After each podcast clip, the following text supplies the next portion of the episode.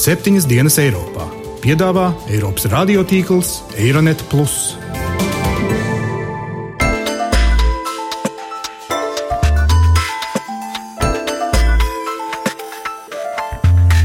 Šonadēļ septiņas dienas Eiropā dzirdēsim. И мы хотели бы, чтобы Запад в целом, все-таки поближе посмотрев на Беларусь, предпринял шагов в правильном направлении. What's changed in Belarus?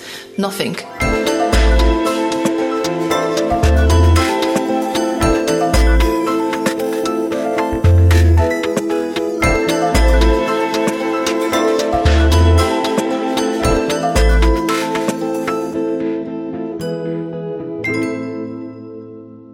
Labdien, godējamie klausītāji! Latvijas radio studijā Kārlis Streips. Esiet sveicināti jaunākajā septiņas dienas Eiropā.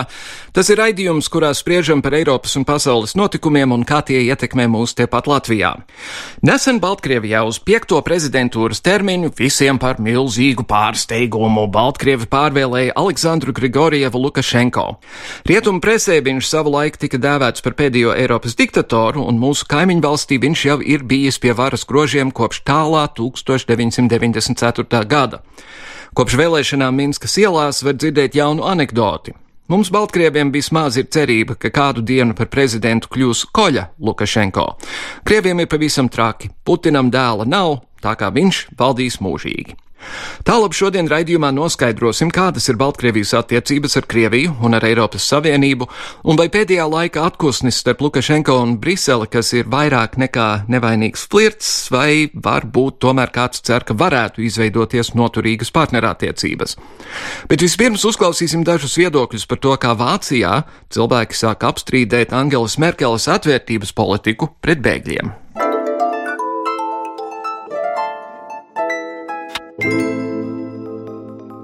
Vācija ir kļuvusi par galveno gala mērķi migrantiem, kuri bēg no kara un nabadzības, lielā mērā pateicoties Vācijas kancleres Angelas Merkeles tā dēvētajai atvērtības politikai. Pateicoties tai, bēgļi var rast ne tikai patvērumu, tāpat tiek nodrošināta pātrināta patvēruma pieprasījuma izskatīšana bēgļiem no Sīrijas un Irākas, kā arī atvēlēti 6 miljardi dolāru, lai viņus pabarotu un izguldītu. Sākotnēji vietējie iedzīvotāji Vācijā te jau vai aplaudēja, kad pirmie vilcieni ar bēgļiem sāka ierasties. Taču, tuvojoties ziemai un bēgļu skaitam pieaugot, pat tie, kuri iepriekš atbalstīja Merkeles politiku, ir sākuši uztraukties, vai Vācija ar pieaugušo krīzi vispār tiks galā. Stāsta reicabiedrības Reuters uzrunātais berlīnietis Jurgens. Ich finde das nicht gut. Ir jāatšķir ekonomiskie migranti no bēgļiem, kuri ierodas no Sīrijas vai citām valstīm, kur viņu dzīvībām draud briesmas. Es pats balsoju par sociāldemokrātiem un uzskatu, ka Merkele ir uzkāpusi uz nepareizā ceļa, solot cilvēkiem to, ko nav iespējams izpildīt. Jaunākā sabiedriskās domas aptauja liecina, ka vairāk nekā puse vāciešu uzskata, ka Vācijā jau tagad ir pārāk daudz bēgļu un tikai katrs trešais cilvēks atbalsta Merkeles bēgļu politiku. Reaģējot uz savas popularitātes krišanos, Merkele ir solījusi izskaust ekonomisko migrāciju. Plānots izveidot tranzītcentrus, kuriem būtu tiesības nekavējoties deportēt jebkuru imigrantu, kurš būs nācis no valstīm, kuru politiskā situācija neapdraud viņu dzīvības. Lielākā daļa bēgļu Vācijā ierodas no Irākas un Sīrijas, taču otra lielākā grupa ir albāņi. Varas iestādes jau ir sākušas viņus sūtīt atpakaļ uz mājām, taču process ir lēns un daudz migranti ir iesnieguši oficiālas apelācijas, kas viņu nosūtīšanu atpakaļ var būtiski aizkavēt. Par bēgļu sūtīšanu atpakaļ uz mājām stāsta Vācijas iekšlietu ministrs Tomas Demezjērs. Flüchtlingspolitik hat Bēgļu politika ir gan draudzīga, gan skarbsēja. Nav tā, ka viens ir labs, bet otrs slikts. Katrai monētai ir divas puses.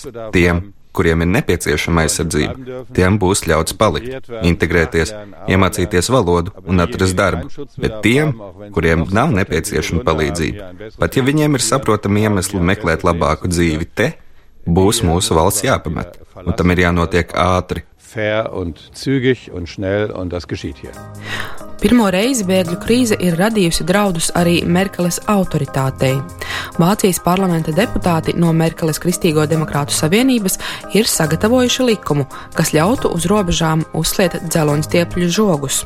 Viņi skaidro, ka to ieviesīs, ja Merkele nenāks klajā ar risinājumu tuvāko nedēļu laikā. Merkele vienmēr ir iestājusies pret pilnīgas robežas aizvēršanu. Viņa arī ir vairāk kārt kritizējusi Ungārijas žogu un salīdzinājusi to ar Berlīnes mūri.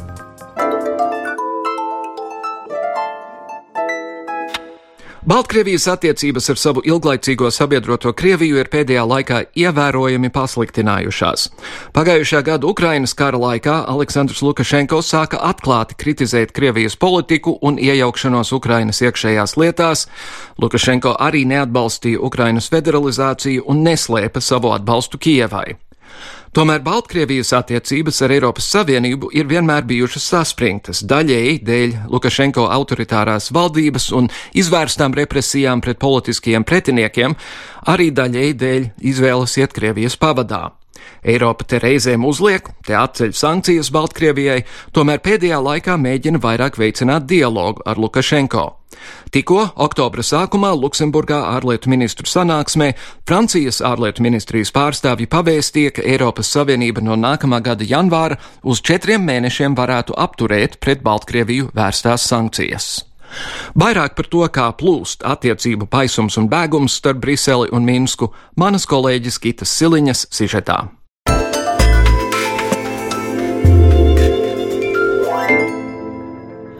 Baltkrievija ir viena no tām austrumu partnerības valstīm, ar kuru Eiropas Savienībai ir bijušas visai sarežģītas attiecības, un joprojām abu starpā ir vairāki grūti šķetināmi mezgla punkti. Tomēr tiek norādīts gan no politiķu, gan ekspertu puses, pamazām situācija mainās. Eiropas Savienība gan ir apņēmusies turpināt pret Baltkrieviju īstenot kritiskas iesaistīšanās politiku. Abu pušu nesenā apusējā tuvināšanās ir pamudinājusi Savienību atvieglināt pret Baltkrieviju piemērotās sankcijas, aktīvu iesaldēšanu, ieceļošanas aizliegumus un tirzniecības un finansiālos ierobežojumus.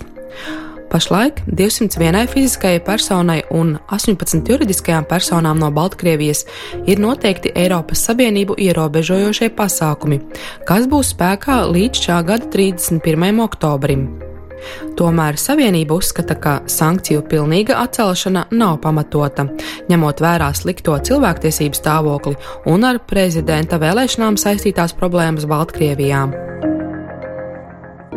Eiropas politikas centra ģeopolitikas un ārpolitikas analītiķe Briselē Amanda Pola vēl iepriekš skaidroja, ka izolācija un sankcijas pret Baltkrieviju nav devusi gaidītos rezultātus, un ka Eiropas Savienība nevar sodīt tikai Baltkrieviju, piemēram, par cilvēktiesību pārkāpšanu, ja citas austrumu partnerības valstis nav rīkojušās labāk.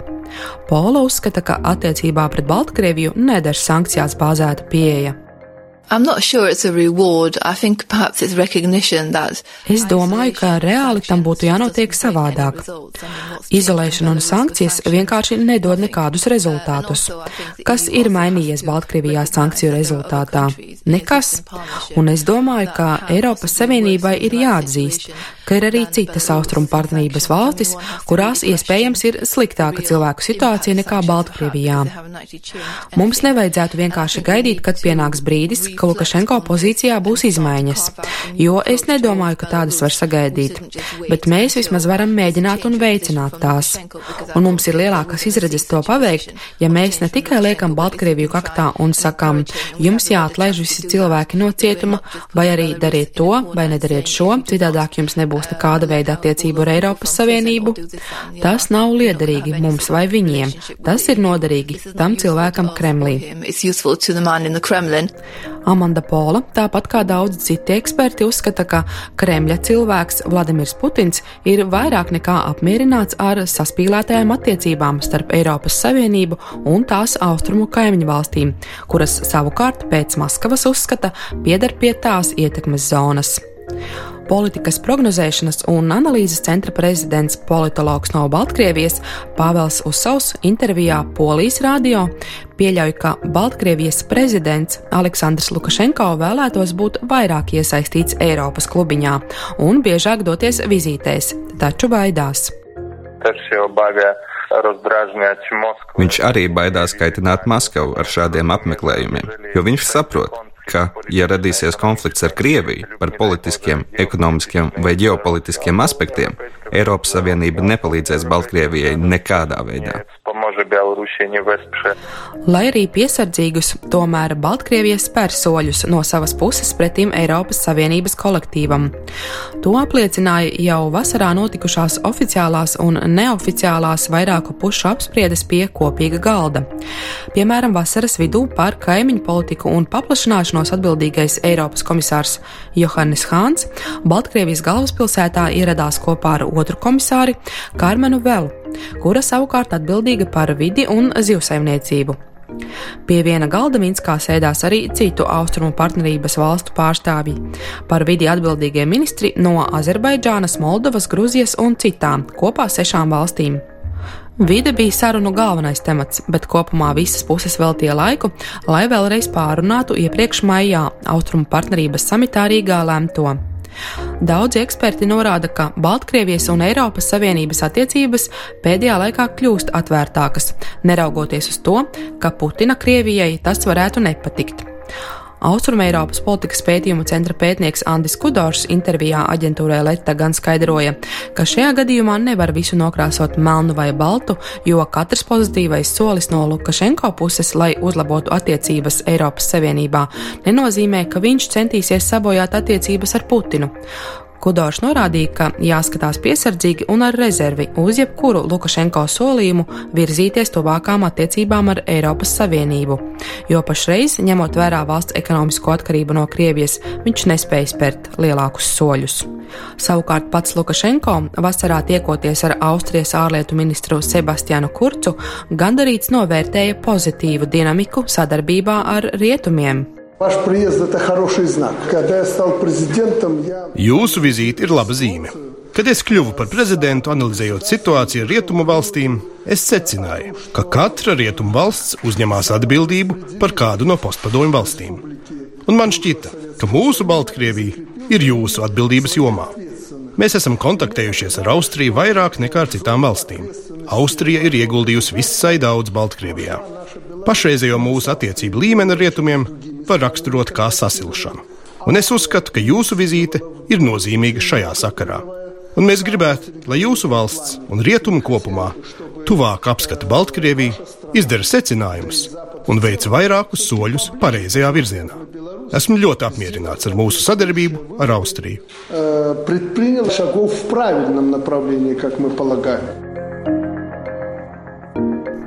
Tikmēr tam, ko Eiropas Savienības politiķi nepasaka skaļi, uzmanību pievērš intelektuāļu aprindu cilvēki. Piemēram, šā gada Nobela prēmijas literatūrā saņēmēja Baltkrievu rakstniece un žurnāliste Svetlana Aleksieviča. Viņas daļa literatūra, kas sarakstīta Krievu valodā, netiek publicēta autoritārajā Baltkrievijā kopš 94. gada, kad Lukašenko nāca pie varas. Rakstniece šo procesu raksturojusi kā klusi piezogošos cenzūru. Aleksieviča bieži veltījusi atklātu kritiku Lukašenko, piemēram, intervijā laikrakstam Belaruskaja Ģelavāja gazeta.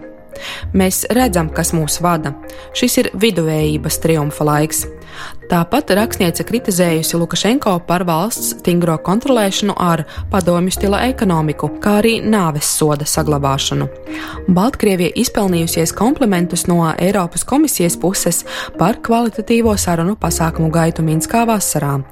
Tomēr vienlaikus Briseles un Minskas attiecības joprojām saglabājas sarežģītas, jo politisko nesaskaņu dēļ un neatbalstot veidu, kādā Aleksandrs Lukašenko atkārtoti ieņēma varas krēslu, Brisele jau teju desmit gadu ir iesaldējusi sadarbības līgumu ar Minsku, kā arī liegusi iebraukšanu teritorijā virknei Baltkrievijas politiķu, arī pašu Eiropas pēdējo diktatoru ieskaitot.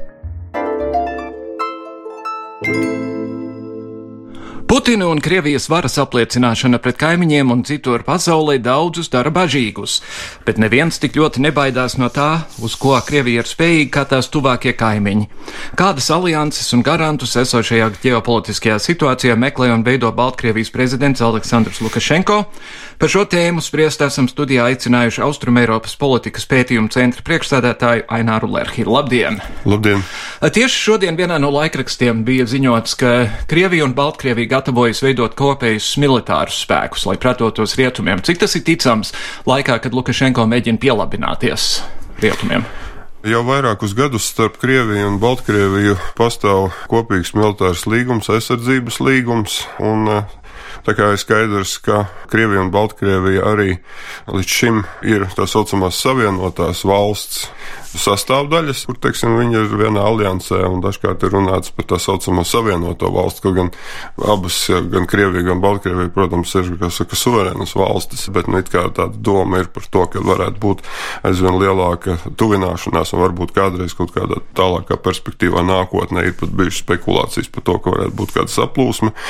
Tā kā Šeit eh, tas, ka tiek veidota un padziļināta šī militārā sadarbība, tas eh, it kā nu, neizsauc nekādu īpašu tādu eh, izbrīnu par to. Ja? Jo tāpēc, ka regulāri gadu no gada arī abas valstis ir rīkojušas militāros manevrus, tas arī tiks eh, turpināts darīt. Tā tad arī radiolokācijas stacija, līdzīgi kā bija kādreiz Skrundā, bet tā tad arī Baltkrievijā tika uzbūvēta. Ja, tā kā šādi, protams, sadarbības momenti pastāv. Tas, protams, ka tagad ir uzsvērts zināmā mērā arī, lai varbūt, nu, vismaz tā varētu domāt, lai nu, Baltkrievi arī pateiktu tiem spēkiem, teiksim, šajā Eiropas Savienībā, kas varbūt uzskata, ka nu, būs tūlīt tāds ļoti liels pavērsiens Baltkrievijai uz Eiropas Savienības pusi, ja ka tomēr Baltkrievija īsteno tādu izlīdzināšanas politiku, ja kā to jau vairākus gadus ir analītiķi saukuši par tādu kā laipošanas politiku, jo Baltkrievija uzskata, un to arī Lukašenka agrākajos gados ir teicis, ka Baltkrievija atrodas starp tādiem diviem uh, lieliem kolosiem - Eiropas Savienību un Krieviju, Un tā tad uh, ir tā doma, ka Baltkrievijai ir jācenšas uh, tā teikt, izlīdzsvarot šīs attiecības un dzīvot mierā un sadarbībā ar abiem šiem lieliem spēlētājiem pasaules politikā. Bet laikā, kad pret Krieviju visi rietumi vērš baigās sankcijas, vai tas neizsauks kaut kādu pretestību, ja, ja atkal Lukašenko mēģinās tuvināties Kremlim? Jā, es domāju, ka uz to noteikti arī starptautiskā sabiedrība skatīsies. Es nevarētu tagad varbūt teikt, ka notiktu kāda ļoti tāda pēdējo mēnešu laikā, teiksim, Baltkrievijas vēl pastiprināta uh, tuvināšanās ar Krieviju. Nu, Baltkrievija ar Krieviju jau tāpat ir ļoti saistīta, un Baltkrievija arī ir diezgan ekonomiski atkarīga no Krievijas, kas faktiski arī zināmā mērā padara jebkāda cita ārpolitiska manevra iespēja Baltkrievijai nu, visai tādu nelielu šo manevru iespēju. Tā kā šeit vairāk eh, jūs pieminētajā notikumā eh, runa tad bija par tieši militāro aspektu. Faktiski vismaz tajā notikumā nebija runa par kādu papildus tālāku, dziļāku ekonomisko tuvināšanos. Mm -hmm. Bet tajā pašā laikā no Krievijas viedokļa raugoties, Lukašenko ir kritizējis to, ko Krievija dara Donbasā, ir attiecies atzīt tās mazās it kā republikas, kuras ir atņemtas Gruzijai un citiem. Viņš ir sava paša ceļa gājējs, un cik lielā mērā, jūsuprāt, Krievija būs pacietīga ar šādu patvaļīgu gājienu? Jāņem vērā, ka Baltkrievija, kā kaimiņos esoša valsts Ukrainai, tas ir arī vēsturiski, ka ir diezgan arī liela šī tas uh, uztraukums par to, kas notiek uh, Ukrainā un zināmā mērā tātad arī šīs varbūt slāvu tautu vēsturiskās saites kaut kur nospēlēja savu lomu. Un tāpēc arī iespējams, ka Lukašenko ir mēģinājis, un tā skaitā arī tā, lai kaut kādā veidā sāktu uzlabot attiecības ar Eiropas Savienību un vispār vispār rietumu pasauli, tad, tad eh, Lukašenko iesaistījās šai, eh, bija starpnieks šai eh, Minskas procesā, tā saucamajā, jā, tam bija, tā teikt, arī šāds aspekts šai darbībai. Bet vai varētu būt tā, ka Eiropas Savienība, piemēram, sāks pret Baltkrieviju attiekties tāpat kā tāpat labi attiecas uz Ukrainu, respektīvi veidot asociācijas līgumu, kur uh, politiski ir, ir vienkārši ekonomiski, protams, ir daudz sarežģītāk, bet vai Baltkrievija tam pakāpeniski tuvojas, pateicoties tam, ka pēdējās vēlēšanas it kā bija normālākas nekā iepriekš? Eiropas Savienības nostāja ir tāda, ka faktiski tā neuzspiež šīm austrumu partnerības dalību valstīm, sadarbības uh, valstīm, ja, tātad šo formātu, kādā tad šī sadarbība vai tuvināšanās varētu notikt. Būtībā katra no šīm austrumu partnerības uh, tātad uh, partneru valstīm zināmā mērā pat izvēlas to ātrumu, cik un cik lielā mērā tā vēlētos sadarboties ar Eiropas Savienību. Ja mēs, teiksim, zinām, ka Grūzija Grūzija, Moldova, Ukraina, tātad tur jau ir asociācijas līgumi, ja, ar, ar pārējām valstīm, tātad ir dažāds šis uh, attiecību formāts, tā kā Eiropas Savienība neko uh, Baltkrievijai neuzspiedīs. Tas ir skaidrs, tas arī nemaz nav iespējams, un par to runas nav. Tajā pašā laikā Eiropas uh, Savienība, protams, redz, un tāpēc arī, teiksim, šāds Baltkrievijas un Eiropas Savienības tuvināšanās process nebūs ātrs, jo joprojām daudz jautājumi, par ko gadiem gadiem ilgi Eiropas Savienība ir paudusi savas bažas un norūpētību, joprojām šie aspekti un šie jautājumi ir. Nu, piemēram, tagad mēs redzēsim pēc uh, Baltkrievijas prezidenta vēlēšanām, piemēram, iepriekšējās divās vēlēšanās arī bija tāda situācija, ka īsi pirms vēlēšanām daži politieslodzītie tika atbrīvoti, un pēc vēlēšanām tad faktiski atkal notika opozīcijas pārstāvju apcietināšanas. Ja? Mēs tagad redzēsim, kā būs šajā reizē. Nu, vēl ir ļoti maz laiks laiks pagājis kopš prezidenta vēlēšana. Un pat labam nekas vēl tāds nav noticis. Pat labam, vismaz manā rīcībā nav tādas informācijas, ka tas tādā ziņā būtu noticis. Uzsvars, teiksim, no Baltkrievijas puses ir pārsvarā uz ekonomiskiem jautājumiem. Tā viņi arī ir teikuši, ka viņi it kā iespējami mazāk gribētu skart un skatīt, teiksim, šos kaut kādus politiskos aspektus. Jā, tas varbūt ir savukārt tas jautājums, kas Eiropas Savienību interesē arī, protams, neapšaubām, tāpēc, ka no Eiropas Savienība ir nu, arī politisko vērtību organizācija. Mm -hmm. Tātad šeit ir svarīgs teiksim, šīs cilvēktiesības, demokrātijas vērtības un tā tālāk. Baltkrievija atkal savukārt bieži vien ir akcentējuši to, ka ir jārunā varbūt par tādām praktiskām sadarbības lietām, pārsvarā teiksim, ekonomiskās sadarbības lietām. Un nevarētu teikt, ka šī sadarbība arī nebūtu notikusi. Nu, piemēram, ir arī teiksim, piemēram, starp Baltkrieviju, Latviju, Lietuvu. Tātad, piemēram, ir bijuši pārobežu sadarbības projekti, ja, kur arī, teiksim, Eiropas Savienības finansējums ir bijis klāt un robežu apsardzības stiprināšanai tātad arī ir bijuši šie sadarbība un, zināmā mērā, teiksim, finansējums, ja.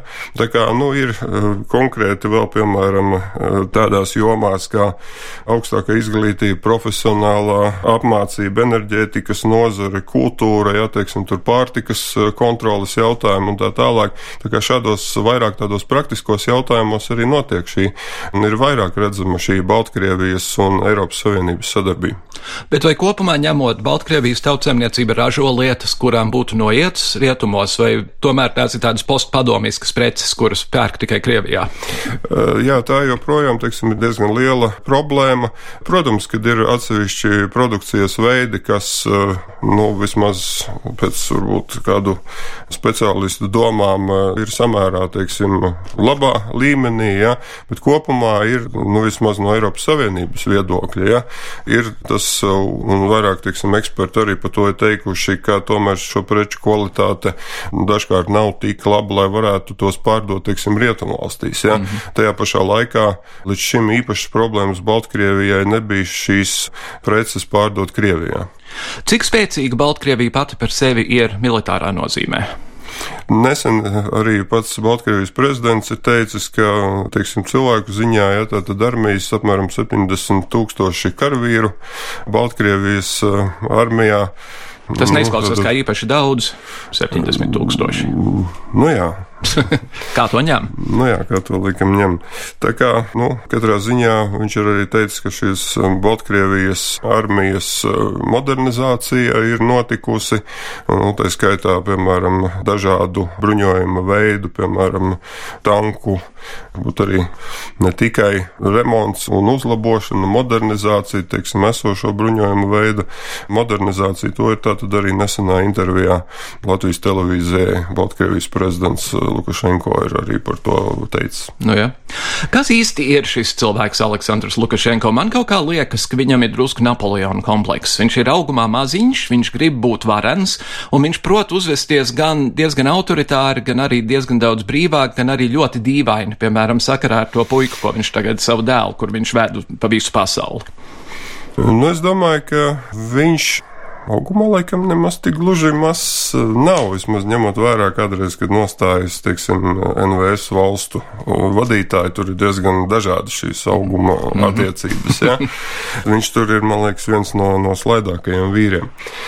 Nu, es domāju, ka viņš ir eh, kā mēs kādreiz attiecībā uz politiķiem teikt, eh, un to nevar noliegt, viņam ir eh, laba politiskā izjūta, teiksim, kā viens otrs to sauc arī par ožu. Ja? Mm -hmm. Tā kā es domāju, ka viņš eh, savā valstī ir nu, saka, sev izcīnījis šīs pozīcijas un jau ilgu laiku posmu kopš 94. gada, jau tātad apmēram jau vairāk kā 20 gadus ir Baltkrievijas prezidents. Nu, viņš ir pratis arī savā valstī nodrošināt, ja var teikt, tādu saimnieka tēlu, ja?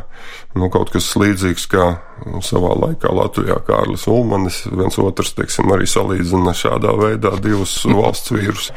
Tā kā tas neapšaubāmi ir, bet, nu, tieši šīs varbūt politiskās pieredzes un, un izjūtas un uh, ožas jautājumā viņš tātad arī īsteno pirmām kārtām to politiku, ko arī, teiksim, pēdējās vēlēšanas parādīja, pēc kādas politikas Baltkrievijā ir pirmām kārtām pieprasījums, tātad pēc stabilitātes un drošības. Īpaši šajā situācijā pēc Ukrainas, jā, tagad, kad vispār valstu dienas kārtībā ir aktualizējušies šie drošības jautājumi, un jebkuras valsts faktiski viens no primārajiem mērķiem un rūpēm ir, teiksim, šis drošības jautājums, un Baltkrievijas nav izņēmums, jā, nu tātad šādi arī Lukašenko arī cenšas dažādā veidā stiprināt Baltkrievijā šo drošības izjūtu un, un rīkoties tā, kā viņš uzskata pa vajadzīgu rīkoties.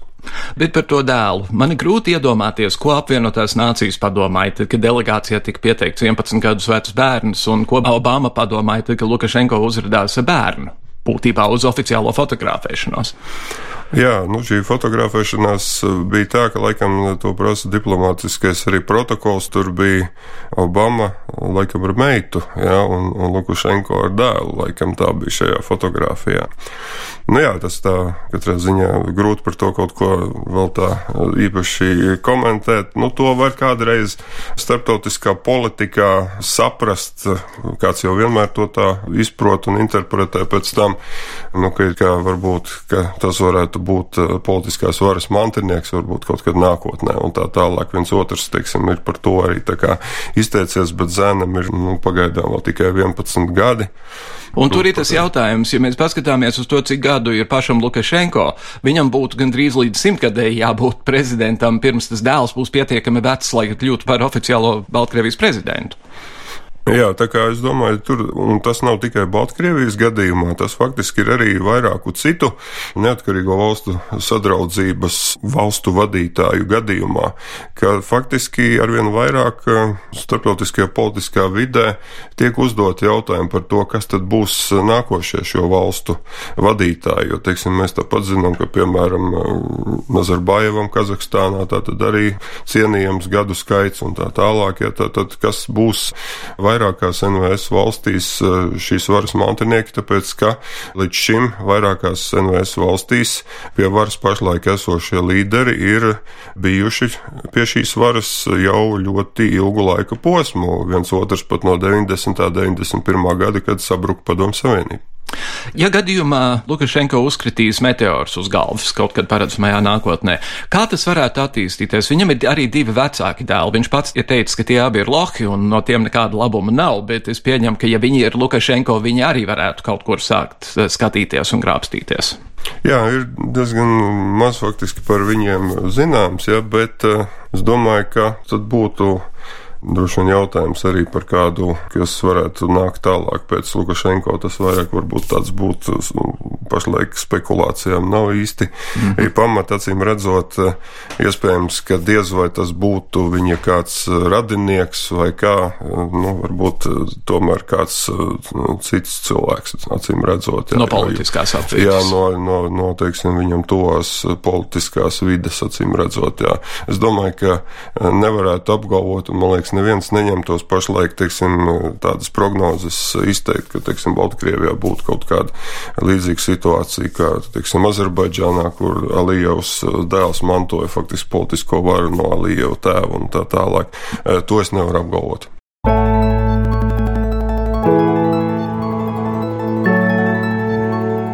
Pēdīgi, kādas pat labi ir Latvijas attiecības ar Baltkrieviju? Latvija it kā Eiropas Savienības kontekstā ir bijusi diezgan liela Baltkrievijas aizstāve visu laiku, un mūsu politiķi spēlē hokeju ar Baltkrievu politiķiem UTT.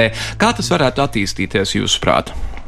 Es domāju, ka kaut kādā mērā uh, Latvija var dot savu pienesumu, un tas jau faktiski ir bijis, jo, jo ārlietu ministrs ir bijis vizītē Baltkrievijā gada sākumā un, un, un tā tālāk. Ja. Eiropas Savienībā skaidrojot, teiksim, arī šo Baltkrievijas situāciju, tas nenozīmē, ka Latvijai būtu, teiksim, tur īpaši varbūt jālobē Baltkrievija un jānoklusē kaut kādi, teiksim, šie paši humanitārie cilvēktiesību un demokrātijas jautājumi.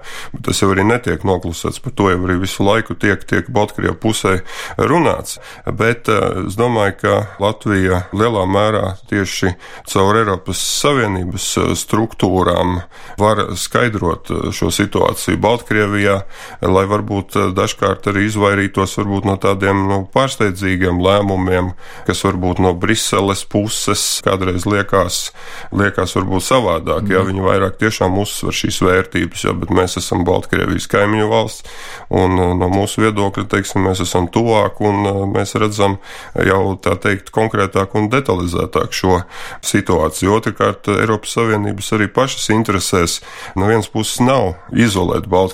Nu, pat es domāju, ka faktiski pašlaik ir tas posms, ka notiek, teiksim, šo attiecību tāda veidošana gandrīz vai jāsaka no jauna, jā, teiksim, un tāpēc arī šī sankciju atcelšana, acīm redzot, kuru katru brīdi būs šis lēmums par sankciju atcelšanu sākotnēji uz četriem mēnešiem. Ja.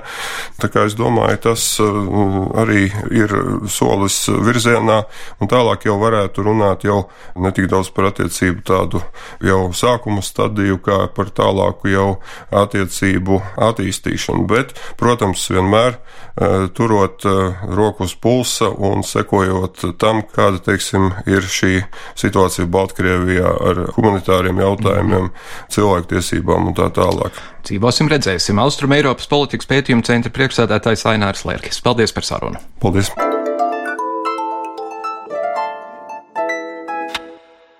Iespējams, nākamā Amerikas Savienoto Valstu prezidente Hillarija Klintona ir teikusi, cilvēktiesības ir sieviešu tiesības un sieviešu tiesības ir cilvēktiesības.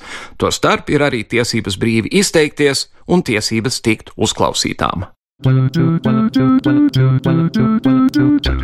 Klajā nācis Domnīcas Lielbritānijā Institute for Public Policy Research pētījums, kas apliecina, ka Eiropā vairāk nekā 30% ģimeņu sievietes un mātes ir galvenās iztikas pelnītājas.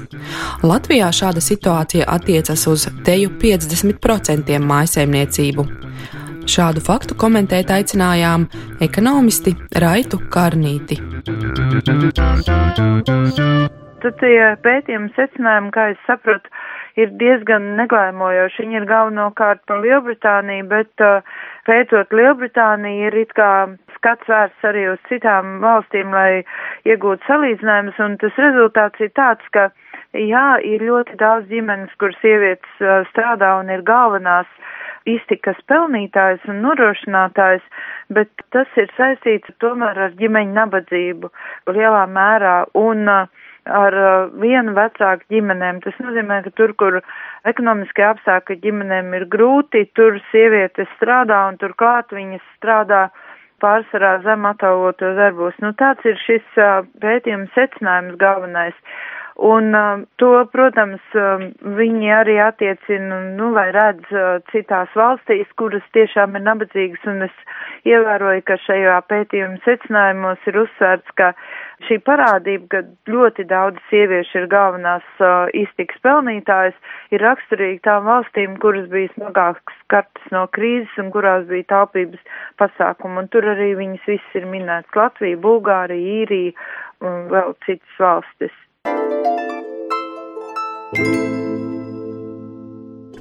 Ar to arī izskan šīs nedēļas septiņas dienas Eiropā. Trakums ir ar to Baltkrieviju, trakums ir ar to Krieviju, trakums ir ar sieviešu situāciju pasaulē un politikā arī pie mums. Ko tur visu var darīt? Kaut ko droši vien var. Līdz nākamajai nedēļai. Visu labu!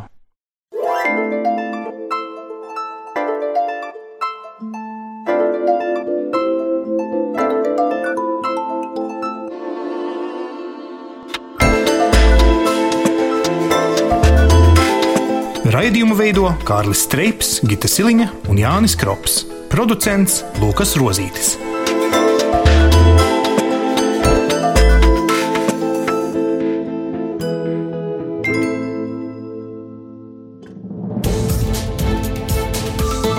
Visus Eironet plus sižetus un raidījumus meklējiet Latvijas radio mājaslapā.